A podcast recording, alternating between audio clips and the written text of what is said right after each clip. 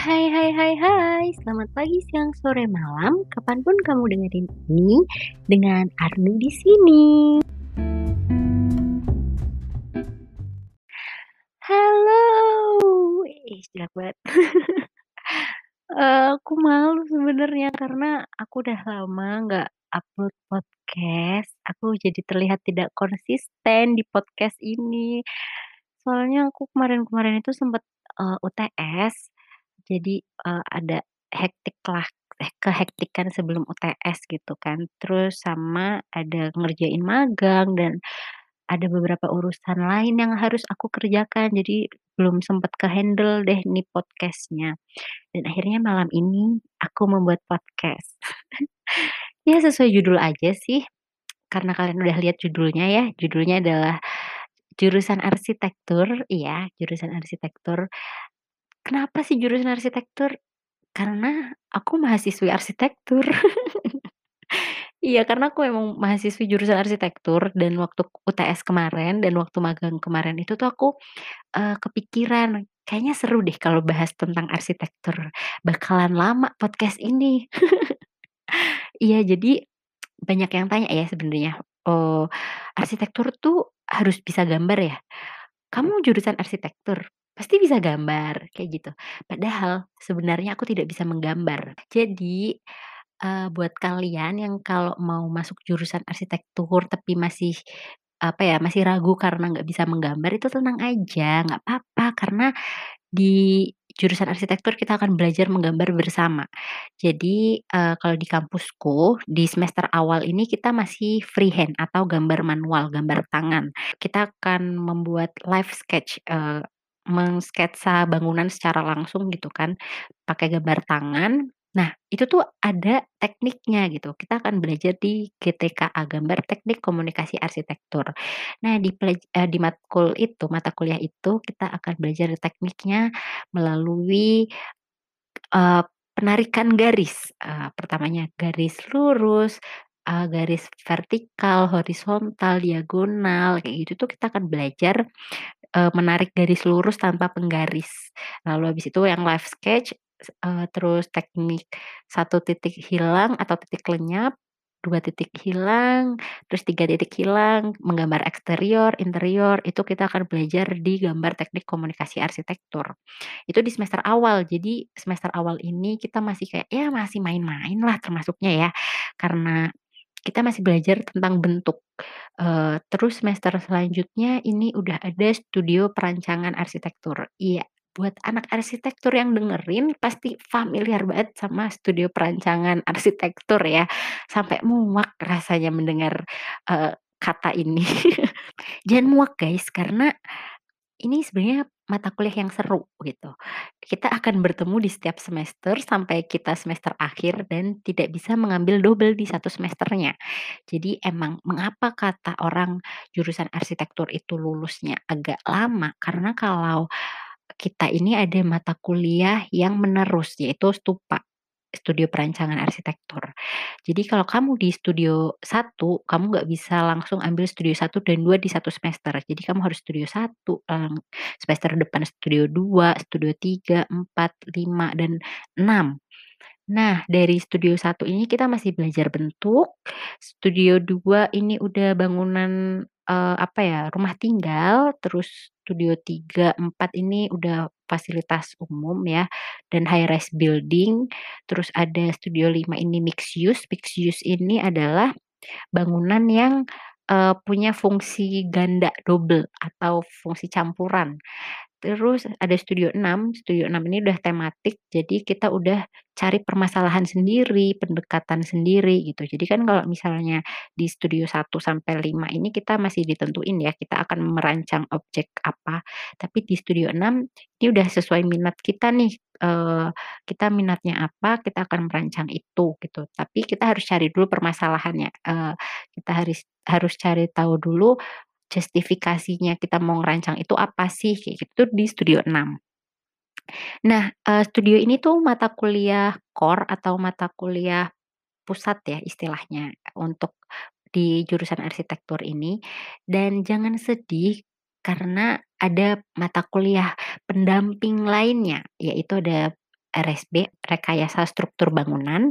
RSB ini tentang struktur, tentu aja dari namanya aja udah kelihatan ya struktur bangunan, kita belajar tentang struktur, tapi bedanya di sini struktur yang kita pelajari dengan struktur anak sipil adalah, kalau di struktur, eee, arsitektur kita hanya yang yang penting sekedar tahu, oh letak balok, letak kolom, letak pondasi, letak plafon, titik lampu, utilitas gitu, itu ada di mana sih, gitu. Eee, mekanisme tumpuannya gimana sih, kayak gitu, itu kita belajar di sini. Tapi kalau sipil kan mereka lebih ke hitungannya, oh untuk beban segini, panjang segini dibutuhkan, eee, adonan semen, adonan apa, beton yang seperti ini, kayak gitu-gitu kan, itu sipil kalau terus apalagi ya, eee, kita juga belajar tentang sejarah arsitektur. Nah, meskipun arsitektur ini ilmu yang baru di Indonesia, termasuknya masih, ya masih, eee, 50 tahun lah ya dibandingin ilmu kedokteran atau ilmu yang lain kan masih termasuk yang muda gitu. Eee, tapi kita udah belajar kita juga ada sejarah arsitektur.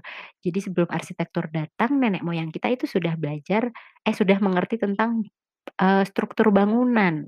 Bukankah hebat nenek moyang kita?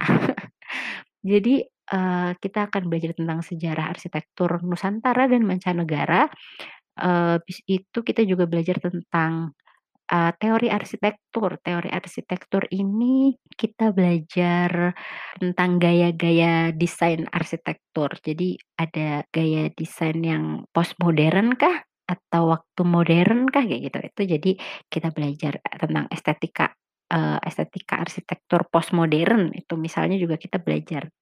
Oh iya, ada juga arsitektur pemukiman dan perkotaan. Nah, ini kita belajar tentang kawasan, jadi skalanya lebih besar nih, nggak cuma 1 bangunan, tapi 1 kawasan. Eee, jujur ya, awalnya aku tuh nggak suka banget sama mata kuliah ini, tapi ternyata setelah aku menjalankan, eee, studio 6 dan ternyata akhirnya aku mengambil tema tentang kawasan, ternyata ini tuh seru guys. Jadi ternyata ini banyak berinteraksi dengan orang secara langsung dan yang mana aku sangat suka berinteraksi dengan orang lain. Jadi ini adalah mata kuliah yang, eee, seru gitu, tema yang seru kalau misalnya kita angkat. Oh ya, aku ini juga termasuk orang yang pengen masuk jurusan arsitektur sejak awal. Kan ada nih orang-orang yang kayak, "Aduh aku terjebak di jurusan arsitektur," tapi aku tidak. Aku memang ingin masuk jurusan arsitektur meskipun banyak orang yang, mmm, merendahkan gitu kan, karena emang aku nggak bisa gambar, orang-orang awam kan ngiranya, "Eh jurusan arsitektur tuh harus bisa gambar, emang kamu bisa gambar?" Ya aku nggak bisa gambar gitu, tapi aku modal nekat gitu, nekat dan ternyata memang seru, dan akhirnya dapet juga alhamdulillah di arsitektur dan aku bisa survive sampai semester ini.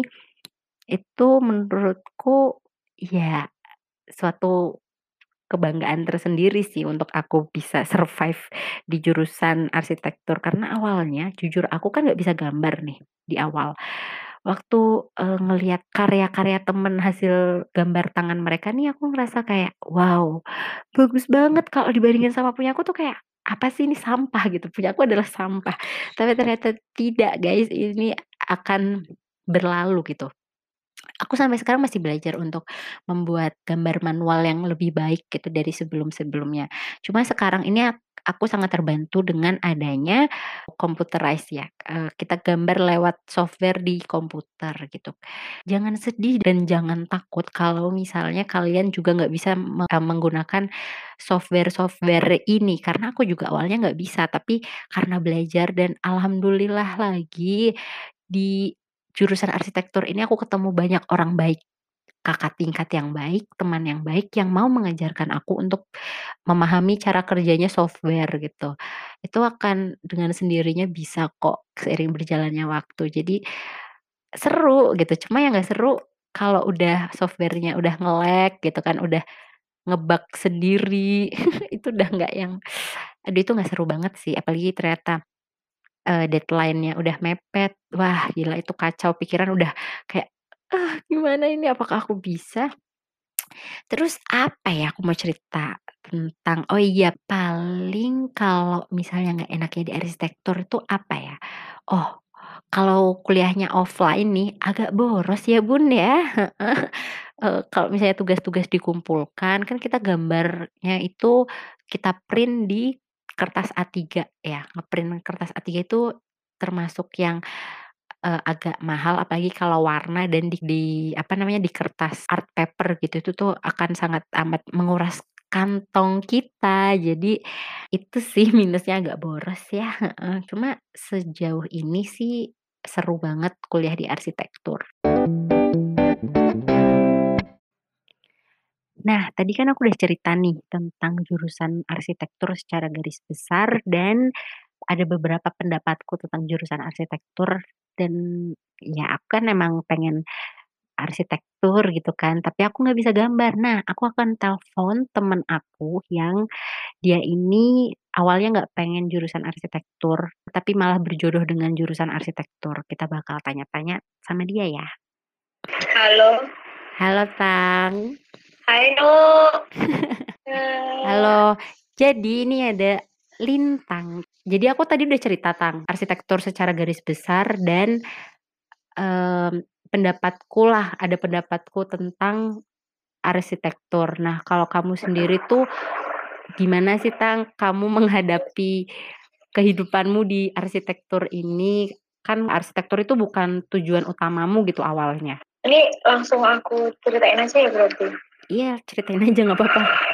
Kalau aku, aku emang awalnya tuh nggak ngerti sama sekali tentang arsitektur, bidang arsitektur dan sebagainya ya, karena emang aku tuh tumbuh di keluarga kedokteran, ya nggak kedokteran banget sih sebenarnya, cuman mamaku itu ke dokter, utiku dulu juga kerjanya di rumah sakit, terus omaku juga dia perawat, ya Di bidang kurang lebih kesehatan gitu ya? mm, di bidang kesehatan. Terus set- pas SMA pun juga aku nggak kepikiran buat milih arsitektur, jadi emang aku pengennya kedokteran aja, pengen jadi dokter, karena aku mikir kayak kalau misalnya aku jadi dokter, lapangan lapangannya lapangan pekerjaannya mungkin akan lebih mudah karena aku bisa ngelanjutin mamaku, Mhm. bisa ngelanjutin praktek di rumah gitu kan pikirnya. Iya iya. Cuman ternyata kok aku waktu SMA tuh kayaknya mungkin aku kurang berjuang kali ya.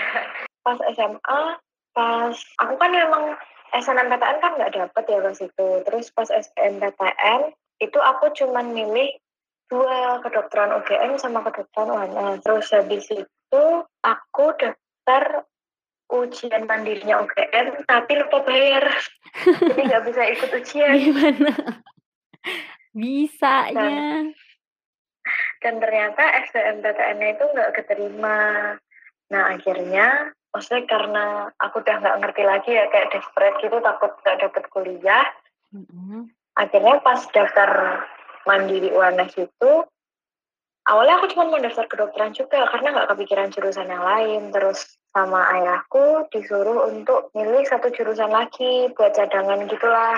Karena kan kayak aku udah nggak bisa ikut ujian lagi tuh karena pas itu tuh mandiri UNS tuh udah kayak hampir terakhir deh kayaknya dari semua penerimaan Oh, iya, iya. universitas-universitas Heeh, yang lain terus akhirnya tak pikir-pikir ah aku suka apa ya dan kebetulan kan emang aku tuh suka gambar suka bikin-bikin sesuatu gitu kan Iya. akhirnya aku ya udahlah aku coba ambil arsitek pas nerima pengumumannya eh kok malah keterimanya di arsitektur. Langsung aku nangis sejadi-jadinya karena aku nggak punya rencana apa-apa buat kuliah di arsitektur tuh bener-bener nol nggak ada Iya. rencana apa-apa nggak punya bayangan apa-apa. Iya Pas iya. awalnya aku nggak mau ngambil sih sebenarnya. Cuman eh, karena ayahku juga bilang kayak coba dulu aja siapa tahu emang ternyata cocok. Akhirnya aku coba aku coba dulu. Pas awal masuk itu sempat minder sih maksudnya kayak teman-temanku yang lain tuh udah pada ngerti ranahnya arsitektur tuh ngapain. Iya iya iya, tapi aku tuh nggak ngerti nggak ngerti apa-apa gitu loh. Iya, bahkan kayak nama-nama arsitek atau bangunan-bangunan yang bagus gitu tuh aku nggak ngikutin sama sekali. Iya iya, aku juga merasakan itu. nah itu kayak bikin kayak oh rasanya kayak aduh ketinggalan jauh sama teman-teman yang lain tapi ternyata kok ada juga gitu loh kelebihan yang aku punya walaupun banyak juga ketertinggalan yang aku punya Iya. Kayak walaupun aku tuh nggak ngerti hal-hal tentang arsitektur sebelumnya, tapi ternyata uh, waktu itu karena semester satu tuh masih banyak gambar tangan ya, ternyata tuh skill gambar tanganku tuh cukup mumpuni untuk mengikuti kuliah arsitektur itu. Jadi aku ngerasa kayak oh ternyata masih ada yang bisa aku ikutin gitu loh. Masih ada apa sih? Oh aku bisa masih bisa ngikutin kok. Aku masih punya bekal lah deh, walaupun nggak punya bekal ilmu. Iya iya. terus sebenarnya aku kan emang orangnya tuh orang yang bosenan dan gampang buat kalau sama hal-hal baru tuh aku gampang aja sukanya gitu loh. Jadi pas di semester satu karena emang mungkin karena materi arsitekturnya tuh lebih kayak main kali ya. Iya betul. Karena kita masih main. masih kenalan bentuk ya. Uh -uh, kita masih yang cuman main-main plastisin mainan maket bikin pakai stick es krim dan sebagainya gitu gambar-gambar. Jadi masih masih enjoy enjoy aja. Cuman pas masuk ke semester 2 itu pas udah agak menjurus ke ilmu-ilmu arsitektur, sebenarnya aku masih ngerasa ilmu yang aku dapetin tuh menarik karena kayak pas itu kan materinya tentang teori arsitektur dan sebagainya gitu kan, itu Iya. masih masih sangat menarik buat aku.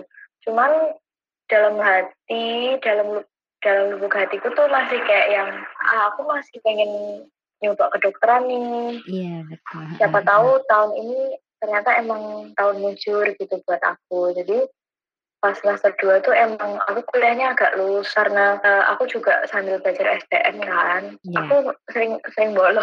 Iya, aku inget aku inget kamu itu. Kamu sering story juga kayak kamu di perpustakaan gitu kan ya? Iya. sering bolos kelas buat belajar STM-PTN. Terus akhirnya pas ikut SBMPTN pun pas itu emang masih spaneng sih aku ikut SBM tuh kayak masih takut-takut deg-degan gitu loh. Jadi ngerjainnya pun juga ya hampir sama kayak tahun pertama aku ikut SBM jadi masih spaneng gitu. Terus pas pengumuman ternyata nggak keterima.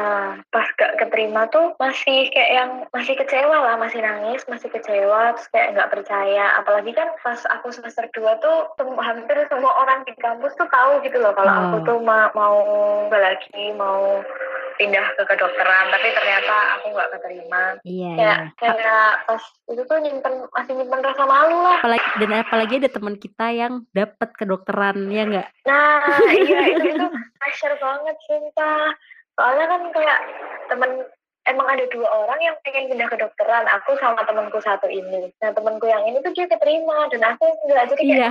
pressure banget anjir malu banget gitu kan. Tapi akhirnya kayak ah ya udahlah bodo amat. Ya emang hasilnya kayak gini gimana lagi? Akhirnya yeah. ya udah deh mulai semester tiga tuh kayak aku mulai belajar mengikhlaskan. Kalau emang jalannya di sini so aku coba coba cari-cari kayak apa sih yang benar-benar aku suka di arsitektur yang benar-benar bisa aku punya keunggulan di sini gitu loh. Akhirnya ya aku mulai mulai benar-benar mulai cari benar-benar yang mulai belajar ngejar ketertinggalan. Karena semester 2 juga aku sering bolos kan. Uh, aku paksa buat ya nggak maksa juga sih tapi kayak sambil jalan aku sambil nyari-nyari kayak arsitek-arsitek yang bagus tuh siapa? Arsitek-arsitek terus karya-karya bangunan-bangunan yang keren-keren tuh yang kayak gimana? Itu aku mulai mulai cari lah, mulai memperdalam tentang arsitektur, terus ternyata lama-lama juga oh ternyata aku suka ya di RC karena bisa dibilang RC itu kayak nggak pernah belajar nggak sih? Bener banget. Dibanding sama jurusan yang lain, kalau ngelihat jurusan yang lain kan mereka kayak baca buku, belajar, mencatat gitu. Kita tuh nggak pernah yang kayak gitu. Iya, jadi bener. oh, aku merasa ini adalah sebuah keuntungan. Jadi aku nggak akan pernah merasa bosan buat belajar karena aku nggak ngerasa aku belajar. Iya, kita tuh kayak eksplorasinya tuh dengan cara tersendiri ya. Iya, jadi kayak nggak akan terbebani oleh kayak ujian, itu tuh tidak akan terbebani gitu kalau di jurusan arsitektur dengan ujian-ujian, tapi paling terbebani oleh tugas. Iya, betul. Tugas itu yang akan membebani kita bukan ujian. Iya, bukan ujian. Jadi pressure kita tuh bukan ujian. Udah nggak ada lagi tuh deg-degan besok ujian, takut nggak lulus ujian tuh nggak Iya. ada. Kita malah ini ya, Tang, kalau minggu UTS atau minggu UAS gitu tuh kita sebenarnya malah santai nggak sih termasuknya karena tinggal pengumpulan. Iya, heeh. Kecuali kalau yang deadliners ya. Iya. Kalau yang deadline malah baru Ya itu pasti akan keteteran, tapi kalau misalnya yang kayak udah nyicil gitu tuh, malah minggu UTS, minggu UAS itu adalah minggu yang tenang menurutku. Mhm, betul betul banget. Iya, terus kalau kamu sendiri, kamu suka mata kuliah apa Tang, waktu di arsitektur ini, selama ini? Itu kalau awal-awal tuh aku paling seneng teori arsitektur 1, 2 tuh aku suka banget, soalnya kan kita mempelajari tentang gaya arsitektur ternyata kan kayak, oh arsitektur ada kayak gini ya, ada kayak gini kayak gini, jadi kita tahu bentuk-bentuk arsitektur tuh apa aja. Iya iya, heeh. Kalau sekarang sih nggak tahu apa ya. Ya aku juga kalau ditanya aku pun kalau ditanya suka apa juga nggak tahu sih Tang sebenarnya. soalnya kayak mata kuliah yang sekarang tuh udah nggak memberi bukan nggak memberi kesan, cuma mungkin karena kita tuh udah nggak memikirkan itu lagi. Iya iya. Gimana sih, kayak kalau kita mikir studio kan lebih kompleks ya. Iya bener, heeh. Sebenarnya tuh, eee, menurut aku ya, studio itu seru, mata kuliah yang seru. Cuma emang Heeh. karena SKS-nya banyak, terus habis itu dia adalah pusat dari segala mata kuliah, jadi ngerasa tumpah semua mata kuliah yang lain ke Stupa gitu. Seru sebenarnya, apalagi kalau udah mulai ngedesain, eee, dan dosennya Iya. itu adalah dosen kita dapet dosen yang, eee, setipe lah sama kita, sepemikiran sama kita itu pasti bakal seru banget. Iya, kalau dosennya suportif tuh kayak, wah udah asik sih studionya. Iya bener, bukan yang ya emang sih ini kalau misalnya di arsitektur ya, itu tuh kita bakal menganggap dosen adalah klien kita. Kita harus menurunkan idealisme kita untuk, eee, keinginan sang klien atau sang dosen waktu kita belajar Heeh. gitu. Itu Betul. yang agak kita, mmm, kesel kadang, tapi ya ya udahlah, kita memaklumi gitu. Jadi kadang kayak aku ngerasa sih kalau misalnya dapet yang sepuh gitu, eee, Heeh. jadi dia pasti bakal lebih mikirin, "Oh aksesnya nih tangganya jangan kebanyakan, kalau buat orang tua nanti susah," kayak gitu, atau "Levelingnya jangan yang terlalu tinggi buat orang tua kasihan, terus kamar utama misalnya di bawah." Pasti dia akan memikirkan diri dia yang punya bangunan itu gitu. Iya. Eee, itu kalau menurut aku jadi suatu perspektif baru sih, karena kita kan belum mengalami masa tua ya, kita belum mengalami umur-umur yang susah untuk jalan, susah untuk naik tangga. Kalau misalnya saran dari dosen yang termasuknya sudah sepuh, yang sudah kesusahan untuk naik tangga, kita jadi dapet insight gitu nggak sih Tang rasanya? Ah, bener banget. Terus kalau menurut aku tuh yang ini salah satu yang bikin aku jadi mantep di arsitektur juga sih, karena, eee, arsitektur tuh apa ya, cakupan ilmunya tuh luas banget. Iya. Karena kayak misal kita pengen mendesain rumah sakit, kita mau nggak mau harus belajar tentang standar-standar kesehatan tuh kayak gimana, kalau bener. bikin ruang operasi tuh harus kayak gimana. Iya, Terus. Atau kita mau bikin galeri seni, kita harus ngerti galeri seni itu butuhnya apa sih, karya-karya seni tuh harus ada di suhu yang kayak gimana dan sebagainya. Jadi kayak mungkin itu salah satu yang bikin aku mantep, karena itu nggak akan pernah bikin aku bosen buat belajar. Jadi aku Bener. bisa pilih, aku pengen belajar apa ya, aku pengen mendalami apa, karena selalu pasti selalu ada yang baru kalau menurutku. Bener banget, bener. Jadi kita juga tahu nih kegiatan di bangunan ini tuh apa aja sih, kalau misalnya di bidang lain tuh apa. Soalnya meskipun arsitektur itu adalah ilmu yang baru di Indonesia, ternyata wow, cakupannya tuh luas banget. Kamu bisa Iya. kamu bisa mengerti tentang kegiatan apa aja yang ada di rumah sakit, yang dokter lakukan, yang pasien lakukan, terus habis itu apa aja kegiatan yang ada di kantor administrasi pemerintahan, kayak gitu-gitu. Itu kan kita jadi kayak tahu ya, Heeh. lewat arsitektur, lewat bangunannya, kayak gitu. Atau bahkan isu-isu sosial yang kita selesaikan dengan solusinya tuh bentuknya, eee, arsitektur, berbau arsitektur. Kayak itu Iya. menurutku emang yang bikin amaze sama arsitektur sih. Apalagi kalau sekarang aku lagi sangat amat, eee, ter-amaze ter-amaze bahasanya jelek banget. Aku sangat amaze sama ternyata bangunan-bangunan di Indonesia tuh, bangunan heritage-nya tuh keren-keren banget, ya nggak sih Tang? Mhm, bener. Aku juga studio ini angkat heritage kan, Iya bener, kita kan sama-sama heritage ngangkatnya. Heeh. Pertama kali aku mulai suka arsitektur yang berbau, Nusantara gitu ya, arsitektur Nusantara itu Mhm. sejak kita dapet mata kuliah arsitektur Jawa. Waktu survei ke dalem-dalemnya yang sekitar keraton, Oh rumah-rumah sekitar iya. keraton, itu aku jadi mulai yang suka gitu kan, wah seru banget ternyata di bangunan Jawa yang kita lihat itu tuh udah tidak apa ya tidak terurus ya, ada beberapa yang udah nggak keurus, tapi ternyata tuh punya filosofi yang dalam gitu, nilainya tuh wah bagus banget gitu. Ternyata nenek moyang kita sudah mendesain sebuah bangunan sedemikian rupa untuk kenyamanannya gitu. Padahal Bener dulu bener padahal dulu belum ada teknologi informasi internet yang secepat sekarang, tapi mereka bisa memikirkan itu. Itu kan satu hal yang aku merasa beruntung bisa mempelajari itu. Ternyata menurut teman saya yang awalnya tidak pengen jurusan arsitektur ini pun merasa arsitektur adalah suatu ilmu yang menarik. Nah, Tang, Heeh. pertanyaan Iya. terakhir, eee, kayak tips and trick aja deh buat kalau ada yang lagi dengerin terus pengen masuk jurusan arsitektur. Tips and trick buat masuk jurusan arsitektur, dari aku sih kalau emang kamu dari awal pengen masuk arsitektur, akan lebih baik kamu mempelajari kayak ranah ranahnya arsitektur tuh sampai ke mana, yang mereka lakukan tuh apa. Paling enggak kamu ngerti dan siap dengan resiko yang akan kamu hadapi selama nanti kamu menjalani kuliah. Itu. Kalau menurut aku sih yang penting siap ya, maksudnya kalian udah ngerti resikonya apa gitu loh, karena selama kalian paham dengan resiko yang harus kalian jalankan, insya Allah selama kalian ngejalaninnya itu pasti ya kalian tetap akan punya motivasi buat terus berkembang, berkembang, berkembang. Terus kalau untuk teman-teman yang awalnya nggak pengen masuk arsitektur, tapi akhirnya terjebak di arsitektur, menurut aku kalau emang kalian mau coba untuk jalanin dulu, nggak apa-apa jalanin dulu aja kalian explore sebisa mungkin uh, pengalaman yang kalian dapat selama di arsitektur, tapi saran aku jangan terlalu menutup diri. Walaupun kalian awalnya nggak pengen arsitektur, tapi kalian juga harus mencoba untuk membuka diri terhadap arsitektur itu sendiri. Jadi kalau misalnya, menurutku kalau kalian terlalu menutup diri, kalian nggak bakal dapet apa-apa selama kalian kuliah satu semester gitu misalnya. Jadi Bener-bener. daripada buang-buang waktu, mendingan kalian coba buka diri, menggali lagi kira-kira ada nggak sih hal-hal di dalam diri kalian yang emang ternyata cocok sama yang kalian jalanin selama di arsitektur ini. Kalau memang ternyata nggak cocok dan emang ngerasa, wah kayaknya bukan deh, itu nggak apa-apa karena ya emang apa pun yang akan kita lakukan nanti juga balik ke diri kita sendiri. Kita seneng nggak ngelakuinnya? Itu sih kalau menurutku yang paling penting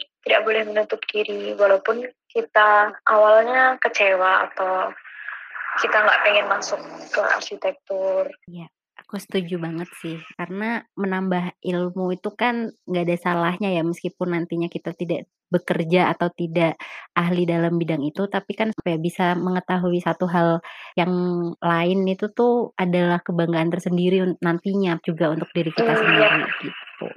Thank you, Yes, Tang. betul ya sama-sama Arnu